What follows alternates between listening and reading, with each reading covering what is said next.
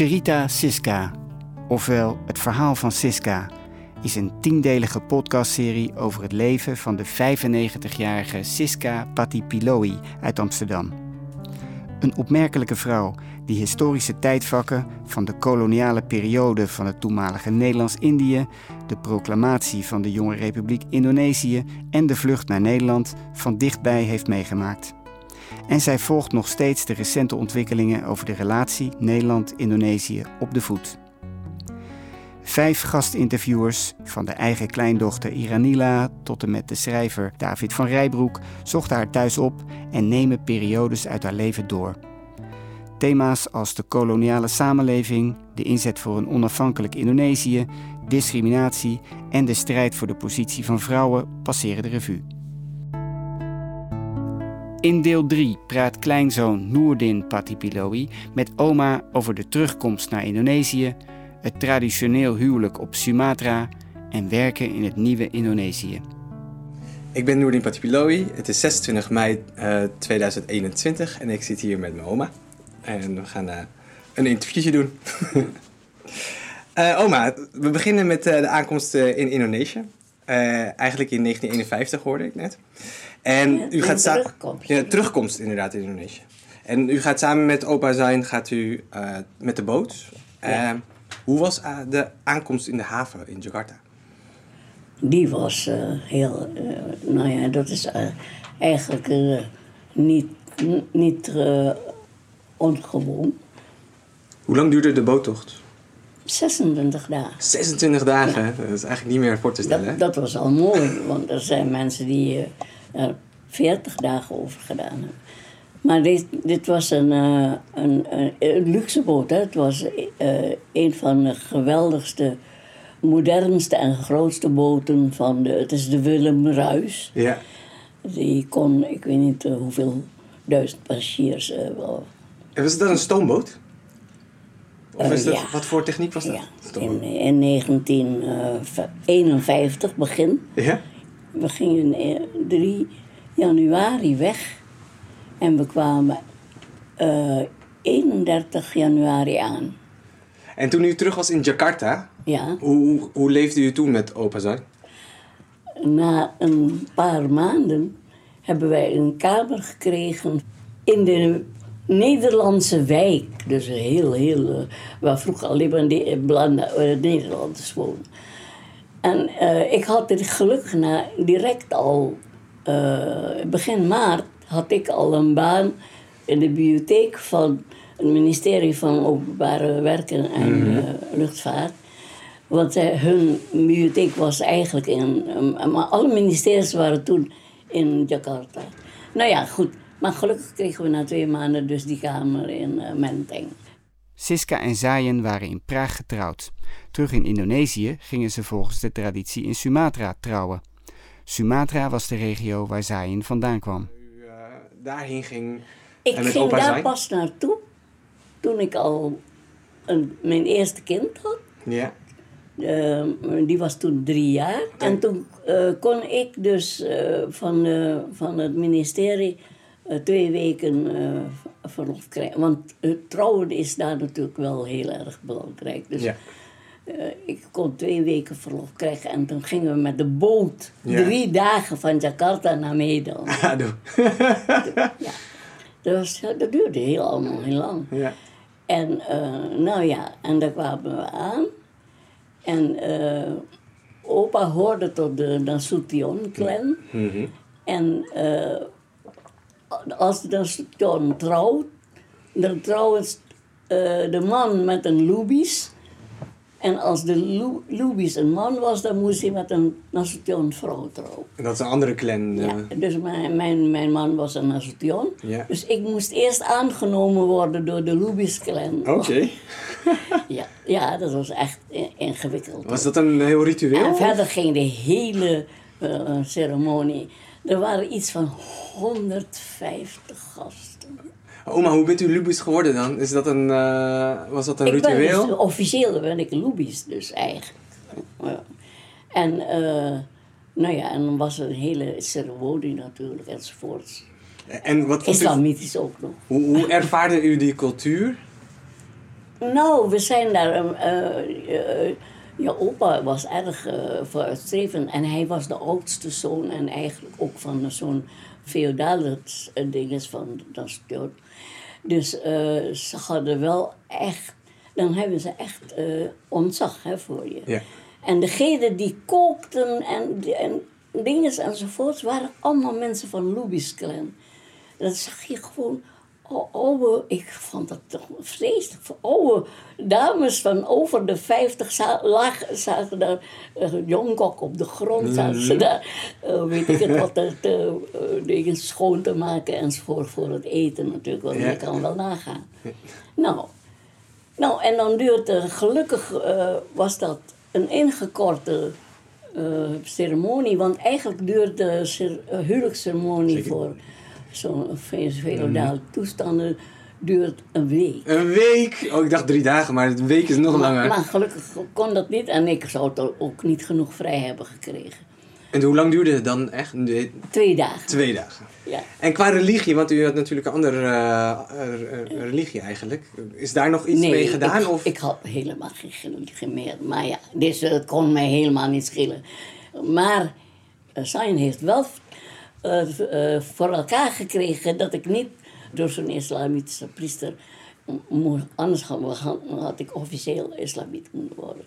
Toen zei mijn man, ja, maar dat doen we wel natuurlijk, maar het kan niet nu, mm -hmm. want dan wordt mijn dochter niet erkend. Oh ja. Want die wordt alleen erkend uh, als het huwelijk officieel is. Ah ja. En als ik niet islamiet was, dan werd zij niet erkend. Maar wel fijn dat hij zo daar krachtig was en dat hij dat ja, dan... En hij heeft zijn oom, en omdat hij dus van zo'n hoge afkomst was... en zijn oom een jongere broer van zijn vader was... Hij is dan, die, die echt de, de, degene was die de hele boel moest organiseren. Mm -hmm. Nou... Had hij dus, wel veel uh, invloed ja. daarop? Ja. Ik, ik heb eigenlijk nooit heel heb... veel gehoord over opa zijn. Hoe zou u hem uh, verder beschrijven eigenlijk? Heel erg uh, streng. Uh, om, uh, alles moest eerlijk en, en, en, en open zijn. Dus heel, recht, heel grote rechtvaardigheid. En, en geen flauwekul van. we, waren allemaal, we kwamen dus terug om van Indonesië een land te, te maken waar mm. alle, het volk dezelfde rechten en dezelfde dingen krijgt. Dus. Dus wij moesten zelf, we kwamen alle twee natuurlijk uit feodale, groot, betere gezinnen, maar dat moest, dat ging niet. Dat wou hij ook eigenlijk niet meer? Dus... Nee, hij was de hoofdredacteur van de Harian Rayat, dat is mm. de, volks, de krant van het volk. Mm. en, uh, Mooi. Ja, nou en toen uh, kwam, kwam ik dus in de bibliotheek.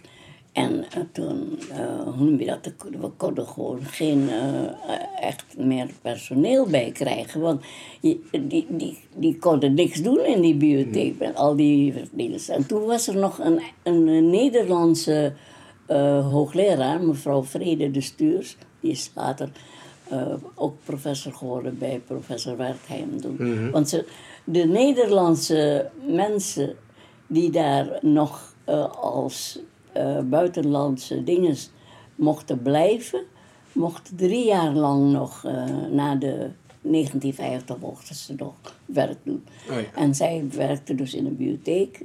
Eigenlijk uh, was zij, hielp ze de. Want de, de grootste bibliotheek was de bibliotheek van het museum. Mm. Die had 500.000 boeken. Dat is heel veel, ja. In, in de, maar, maar opa was dus redacteur bij dat blad. Wat deed hij? Hij had het zelf opgericht. Opgericht. Ja. En, en wat en deed hij? hoofdredacteur, ja. Hoofdredacteur. En wat deed hij daarnaast nog meer voor werk? Uh, hij heeft dus... Hij was, wel, uh, er was een hele sterke journalistenvereniging. Mm -hmm. Indonesië. En die had ontzettend veel werk. Want er waren toen erg veel buitenlandse... Uh, ambassades uh, direct al in uh, Indonesië. Mm -hmm. En omdat hij dus in Oost-Europa had gestudeerd, en werd hij dus af, van de studenten, hoe noem je dat, dinges, werd hij aangewezen op als er dus een receptie was in, in de Oost-Europese ambassades, Ja, ja, ja. dan kwam hij daar om als Indonesisch journa- journalist op daar eh, informatie en zo. Dus hij werkt als journalist. Dus en als- wat ik me dan afvraag, want u komt terug, de Nederlanders zijn weg. Er, Ja. er is een hele nieuwe ja, wind die er waait in het land. Hoe, hoe, voelde, hoe voelde dat als om met Nou, iedereen om- te werken aan iets Om nieuws? te beginnen, wij waren. eh, ja, dat kan je niet van. En ik was natuurlijk nog jong. Hè? Toen, de, Mhm. toen de Japanners ons bezetten, was ik 16 jaar. Ik zat in de derde klas HBS. Ik wist niet anders dan. eh, er waren alleen maar Nederlanders. Dat waren zo half eh, goden. Mhm. die, die waren gewoon geweldig. En wij waren inlanders. En al, al hoorde ik tot de beste van de klas. En ik had een acht voor Nederlands notabene. Want we werden al van de wieg opgevoed met Nederlands. Omdat mijn ouders allebei eh, wisten dat als je niet vloeiend Nederlands praat... dan krijg je nooit een baan enzovoort. En eh, wij konden hun dus niet verstaan als zij praten. Want zij praten Bananees. En... eh, en, en, en eh, dat was heel grappig, want toen je opa en ik trouwden, eh, we hebben elkaar in Leiden ontmoet. En hij, ik kende natuurlijk ook geen Mandeiling en hij kende geen Moluks. Nou ja, Moluks is bijna Indonesisch. Maar eh, wij hebben elkaar ontmoet in het Nederlands enzovoort. En je, zijn hele opleiding was ook in Nederlands. En eh, dus wij praten dus eh, altijd Nederlands met elkaar. Dus onze kinderen konden ons ook niet verstaan. Maar de Nederlanders waren inderdaad weg. Er waren soort, vroeger Ja, waren nee, maar die, die, die, die, die idiote dingen, wat het kolonialisme dus in het leven heeft geroepen. Mhm. Wij konden onze ouders niet verstaan omdat wij Nederlands moesten leren. Ja. Mijn kinderen konden ons niet verstaan omdat zij Indonesisch praten. Ja. En, ja, nou ja, maar goed, ik bedoel. eh, en dat is heel erg belangrijk voor mij. Hè? Een taal is eigenlijk het, het, het, eh, meest eh, innerlijke en, en, en culturele dingen wat een mens maakt. Ja. Oma, we gaan even een stukje vooruit. Toen u werkte bij het ministerie van Openbare Werken, Energie en Luchtvaart. Ja, Ehm, hoe was dat? Wat deed u daar precies? dat was natuurlijk al fantastisch. Ik was de enige die al. er waren natuurlijk eh, men- mensen op het ministerie die wel ook een eh, goede opleiding hadden gehad. Zeker als je al een hoge functie had en eh, besluiten moest nemen en zo. En die hielp ik dan met, met boeken zoeken die ze, in, in, nodig hadden. Maar er, we hadden twee assistenten, maar die, waren wel van de SMA en zo. Maar ze kennen alleen maar Indonesisch. Ja, dus ze konden En geen een klein, Nederlands, beetje, Engels een of klein Frans. beetje Engels, geloof ik. Eh, dus eh, toen was dus die, wat ik zei, die vrede de stuurs, die was er dus. Eh, die zat in het museumbibliotheek. en die zei, en toevallig was een goede vriend van haar, was de mini- minister van Onderwijs, was Mhm. een Javaan. Eh, en, hij was ontzettend, hij kende oud-Javaans, nieuw- nieuw-Javaans, middel-Javaans. Alles op de Javaans. Ja, hij had ook in, in, in Leiden gestudeerd en zo. En, hij, en toen zei ze tegen hem, we moeten een bibliotheekopleiding doen. Dus toen is de bibliotheekacademie uh, Ontstaan. En ik ben dus een van de eerste tien leerlingen. Want er waren maar tien leerlingen die uh, werd wel eh, zoveel mogelijk in het, in het Indonesisch lesgegeven. Maar ja, eh, we hadden voor instructeurs hadden we bijvoorbeeld de bibliothecaris van de Engelse bibliotheek. Die sprak natuurlijk alleen maar Engels of van de Mhm. Ja. Amerikaanse dingen. Dus de bibliotheekvakken die belangrijk waren, gingen allemaal in het Engels. In die betaal, ja. En eh, er waren alleen maar tien eh, leerlingen en die waren allemaal, eh hoe noem je dat? En we kregen dus ook? Frans, want een van de beste vrienden van die eh, vrouw die de bibliotheekacademie heeft laten oprichten, zij was trouwens eh, het eerste studiejaar was zij de directeur van de bibliotheekacademie. En haar, haar, ze had een hele goede vriend, dat was een Franse attaché van de Franse ambassade. En nou ja, en na 2,5 jaar hadden wij. eh, zit je mijn stoel kapot te maken?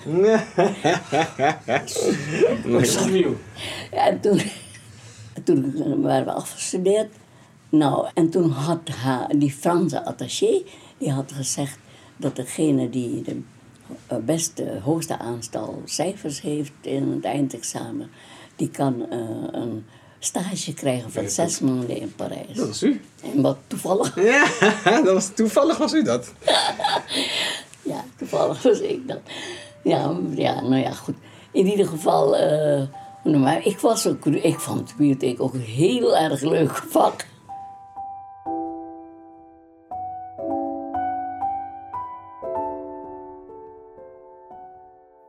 U luisterde naar een aflevering van de podcastserie Cherita Siska, het verhaal van Siska Patipiloi.